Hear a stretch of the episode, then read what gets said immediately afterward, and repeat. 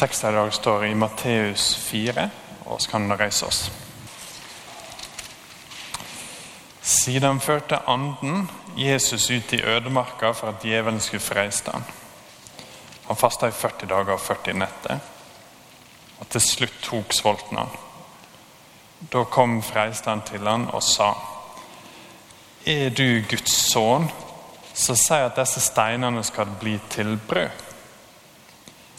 Jesus svarer, det står skrevet, mennesket lever ikke av brød alene, men av hvert ord som går ut fra Guds munn. Da tok djevelen med seg til den hellige byen, satte han ytst på tempelmuren og sa:" Er du Guds sønn, så kast deg ut føre, for det står skrevet:" Han skal gi englene sine påbud om deg. Og de skal bære deg på hendene, så du ikke støter foten mot noen stein. Men Jesus sa til ham, det står òg skrevet, du skal ikke sette Herren din Gud på prøve. Så tok djevelen med seg opp på et svært høyt fjell og synte han alle rika i verden og deres herligdom, og sa, alt dette vil jeg gi deg om du faller ned og tilber meg. Men Jesus sa til ham, vekk med deg, Satan, for det står skrevet, Herren din Gud skal du tilbe, han og ingen annen skal du tjene. Da gikk djevelen fra han, og se, engler kom og tjente han. Slik lyder det hellige evangeliet.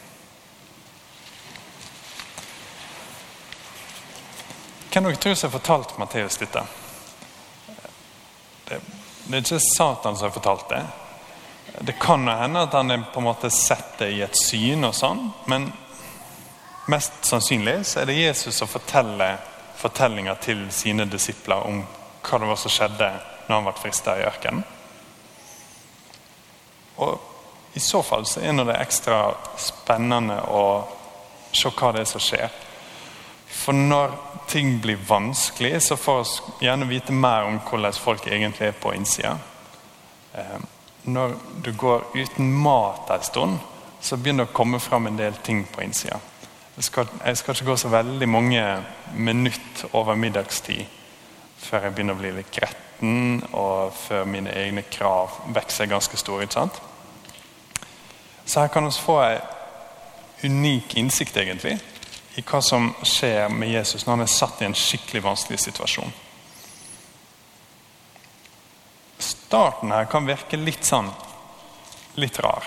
For han faster i 40 dager og 40 netter. Så vers 1 så står det at anden fører han ut i ødemarka. Så dette er ikke et uhell. Det er ikke noe han er snubla inn i. eller noe sånt. Dette er Guds plan for Jesus i denne tida, er at han skal til ørkenen og så skal han bli frista og testa der. Og Da faster han i 40 dager og 40 netter. Og til slutt så tar sulten han. Og Det kan jo høres litt sånn Og da ble han sulten, når det har gått 40 dager. Men jeg tror vi heller bør lese dette som at nå har han vært sulten en evighet. Og nå begynner det å nærme seg døden. For det begrenser hvor lenge du kan gå uten eh, mat. Det er litt tydeligere i Lukas at han sannsynligvis kun faster fra fast føde. At han drikker sikkert vann, i den grad han finner det. Men til slutt nå så tar sulten han på en sånn måte at han er mer sulten enn mange av oss noen gang har vært. Jeg hadde en engelsklærer da jeg gikk på ungdomsskolen, som hadde en far som hadde satt i konsentrasjonsleir. Eh, og Hun sa at hjemme de så fikk de ikke lov å si 'dødssulten'.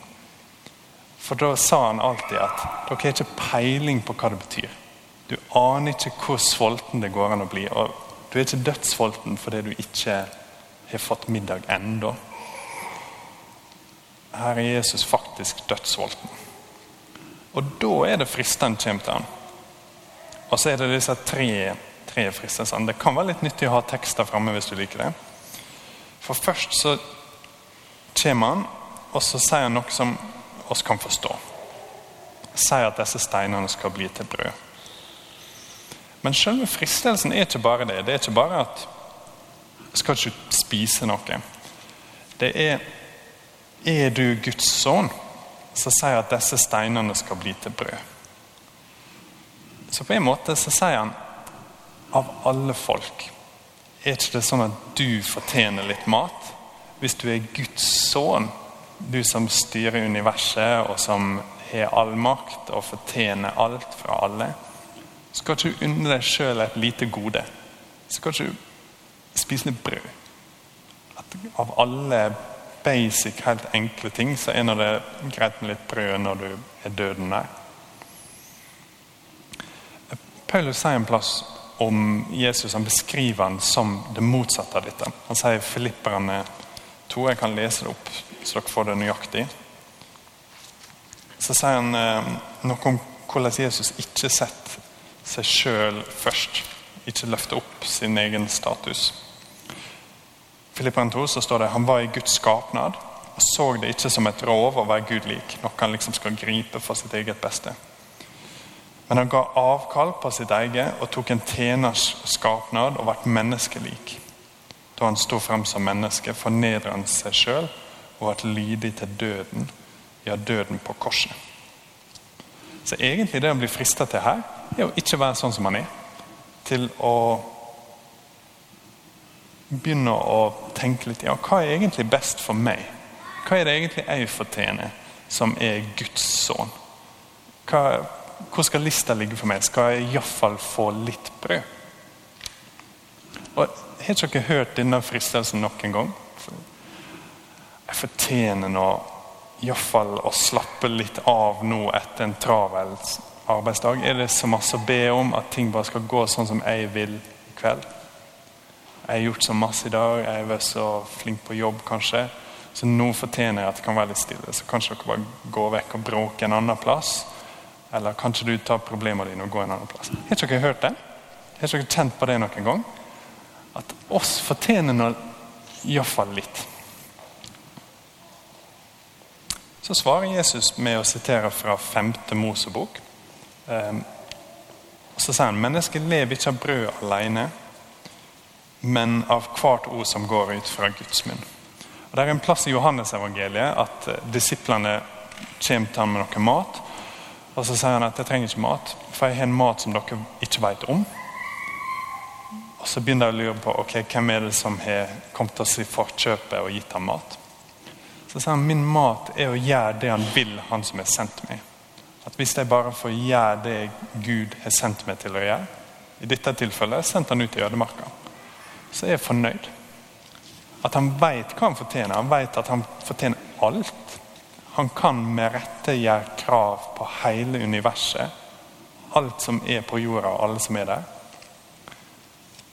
Men for sin egen del så vil ikke han ta litt brød en gang, om det er for å løfte seg sjøl opp. Han er ufattelig ydmyk. Og nekter også å starte et eget løp.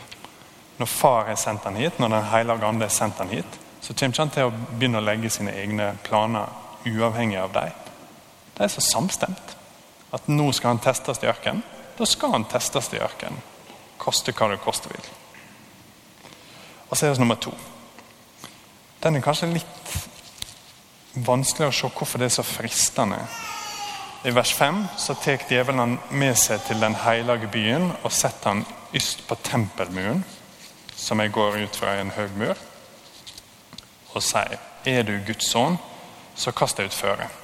For det står skrevet han skal gi englene sine påbud om deg, og de skal bære deg på hendene så du ikke støter foten mot noen stein. Sitatet her er rett fra Det gamle testamentet, men betydninga er feil. Jeg tror, sånn som jeg forstår det, så tror jeg fristelsen her er så enkelt som å si Jesus, bevis at det ikke vil skje noe vondt med deg. Igjen, av alle folk så er du Guds sønn. Hopp utafor, for det står nå noen tekster om at eh, Gud vil passe på sin utsendte og sånn. Så hopp utafor og bevis at det ikke kan skje noe vondt med deg. Har dere hørt den før? Jeg hørte den på radio sist uke. Det var noen som skulle oppsummere hva, hva Jesus sa. Så sa de Jesus sitt budskap er Ja, Så sa de mange ting som var rett. Og så sa de og at oss alle fortjener å ha enkle og gode liv. Stemmer det? Og har ikke litt den samme sånn Det må nå iallfall gå bra med meg, jeg som har levd et såpass godt liv, jeg som er såpass flink. Tenk, tenker dere aldri sånn at ok, det har skjedd noe grusomt med den familien? De har sikkert gjort et eller annet som gjør at de fortjener det. Her er det den fristelsen. Jesus svarer igjen med å sitere fra 5. Mosebok. Han sier du skal ikke sette Herren din Gud på prøve. For det stemmer ikke. Det er ikke sånn at far aldri vil la det skje noe vondt med Jesus. Jeg tror kanskje ikke det er tilfeldig hvor de er. De er i Jerusalem. Og Hvis det stemmer at far aldri vil la sønnen sin komme ut for noe vondt, så kan han umulig dø på et kors i Jerusalem senere at hele planen til Jesus er nå egentlig at det skal dessverre skje noe vondt med ham. Han skal faktisk komme til den hellige byen eh, og på sett og vis kaste seg ut føre uten å bli redda. Han skal henge på korset for vår del. Så det stemmer ikke. Og hvis han hadde, hvis han hadde falt for denne fristelsen, så hadde det også umulig kunne blitt redda av ham. Men det gjør ikke han. Han sier du skal ikke sette Herren din Gud på prøve. Så er det den siste. Da tar djevelen med seg opp et svært høyt fjell og synte han alle rike i verden og deres herligdom, og sa alt dette vil jeg gi deg om du feller ned og tilber meg. Og Det fins ikke et fjell der du kan stå og se alle rike i hele verden, så det kan hende et syn av et slag. Men denne meg går an å forstå. For Tenk hvor vondt det må gjøre for Jesus å se hvor dårlig styrt alle mulige land er. Tenk for en god jobb han kunne gjort. Her står djevelen og sier hvorfor ta en sånn vanskelig løsning med noe kors og noe styr for å vinne verden og vinne alle sine hjerter.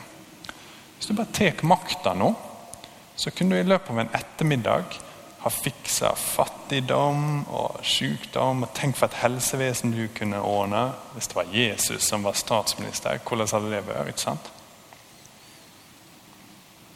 Men det innebærer å falle ned og tilbe Satan. For det innebærer å ta det med makt til å ta en enkel vei og bare presse alle andre vekk og si jeg fortjener dette, jeg griper dette og jeg vil ha det enkleste mulige løsninga. Så kanskje dere andre bare fare vekk, så skal jeg ordne opp. På sett og vis så skal alle andre fare vekk, og han skal ordne opp. Men han skal gå den lange, tunge veien. Han sier 'vekk med deg, Satan', for det står skrevet 'Herren din Gud skal du tilbe'. Han og ingen annen skal du tjene. Og Peter kommer senere med akkurat denne fristelsen. To av dem, egentlig med at det, det, får ikke lov å skje noe vondt med deg, Jesus. Dette må aldri skje. Så sier han 'vik bak meg, Satan'. For akkurat det har han hørt før. Så går djevelen fra han. Og så har han klart fristelsen, og så kommer englene og skal tjene han.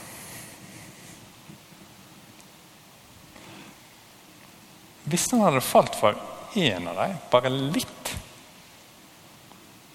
så hadde korset vært klin umulig. For det neste han skal gjøre, er å sette seg sjøl i en situasjon der han ikke tar noe hensyn til hva han sjøl fortjener, bare hva oss trenger.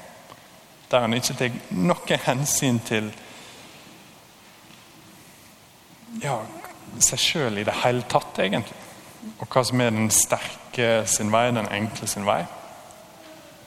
Så siterer han jeg vet ikke om du la merke til det, men Han siterer kun fra to vers i Det gamle testamentet. Alle, alle svarene til djevelen kommer fra 5. Mosebok, to kapittel Som handler om at det egentlig er israelsfolket, Gud sitt folk, som skulle gjøre disse tingene. Det var de som skulle være å klare seg uten brød i ødemarka. Og de klarte ikke i det hele tatt. De sa ok, hvis det skal være sånn vær, da vil vi ikke ha Gud, da vil vi heller til Egypt og dø der hvis de iallfall kan få spise litt kjøtt. Eh, og det var israelsfolket som hver gang de fikk en mulighet, så testa de Gud. Er det sånn at du virkelig vil oss godt? Er det sånn at du tenker på vårt enkleste og vårt beste i alle situasjoner? Og det var israelsfolket som med en gang de fikk en mulighet, valgte å tilbe andre guder hvis det var enklere for deg sjøl. Og israelsfolket er nå i Det gamle testamentet, og det er lenge siden, kan man si, men etter hvert som Bibelen utvikler seg, så ser vi at det som lå i deres hjerte, ligger også i våre hjerter. De som var Guds folk da, minner ofte mistenkelig på Guds folk nå. Så når Jesus har gjort disse tingene, så har han lykkes med noe som oss ikke får til. Og da har vi Hvis vi ikke skal gjøre noe annet i dag, så har vi en mulighet til å se kanskje litt klarere hvem Jesus egentlig er. For oss får på en måte se både hvor sterk han er. Han er sterk nok til å faste til han nesten er død. Og sjøl da er han så ydmyk at han ikke vil ta og gjøre den minste ting for sin egen del. Han har nok makt og tillit til å både styre universet og følge det minste gode, rette vink fra far sin. Han er over alle, og likevel så gjør han ingenting for sin egen del. Jeg, jeg tenker veldig på meg sjøl. Jeg kan ikke gå en time uten mat lenger enn jeg hadde forventa. Uten å begynne å se ting i meg som jeg ikke liker. Her går han 40 dager og 40 netter. Og han vet at korset kommer snart.